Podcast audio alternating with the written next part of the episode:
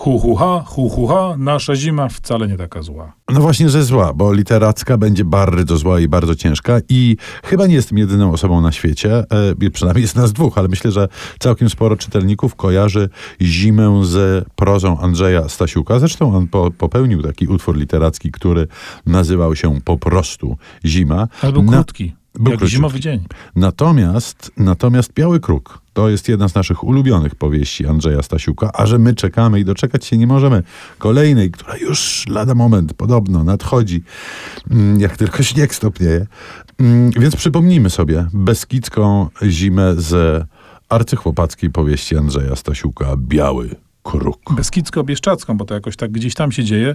Biały Kruk to jest w ogóle bardzo wczesna y, powieść y, Andrzeja Stasiuka, która dopiero otwierała przed nim drzwi literackiej kariery i ona rzeczywiście jest taka bardzo, bardzo zimowa, bo y, jakby nie wchodząc w szczegóły fabularne, chociaż tam też w sumie bardzo wielu szczegółów nie ma, mamy grupę chłopaków, no nie takich młodych, bo oni już tak taka późna młodość, rzekłbym, pod trzydziechę mają, którzy rzeczywiście wyjeżdżają z tego miasta i idą w góry. Idą w góry po to, żeby, nie do końca to jest jasne na początku, jakaś taka przygoda, wycieczka, ale też może właściwie partyzancka działalność, jakiś taki bunt, który tam się y, gdzieś y, lęgnie i rzeczywiście dochodzi do pewnego bardzo poważnego epizodu z udziałem wopisty, który zostaje przez dwóch z tych chłopaków zaatakowany, no i wtedy sprawa robi się poważna.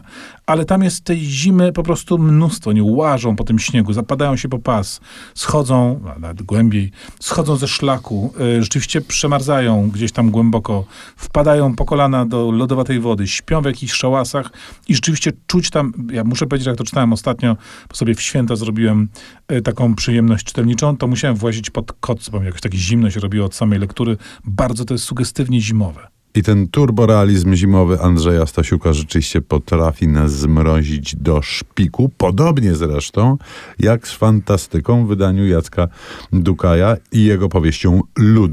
Bo Dukaj w swoim światotwórstwie jest osobą niezwykle przekonującą, bo konsekwentną, bo twórczą, bo wyobraźnię ma Ja bym rzeczywiście... powiedział konsekwentnie, niekonsekwentną, w tym sensie, że każda jego książka jest na nowo wymyślona. No i ta ogromniasta e, książka rzeczywiście wieje chłodem, chociaż chłodem to mało powiedziane. Na pewno wszyscy, którzy tą powieść czytali, pamiętają te przerażające, żywe stwory, które nazywają się lute i które podróżują ze wschodu ku zachodowi. Książka zaczyna się w Warszawie, która jest po prostu jeszcze mroźniejsza niż była w XIX wieku, a przypomnijmy, że w XIX wieku wcale tu tak ciepło nie było i zimy były fenomenalne. No i stamtąd Jacek Dukaj posuwa nas nieubłaganie na wschód i robi się coraz zimniej i zimniej i zimniej.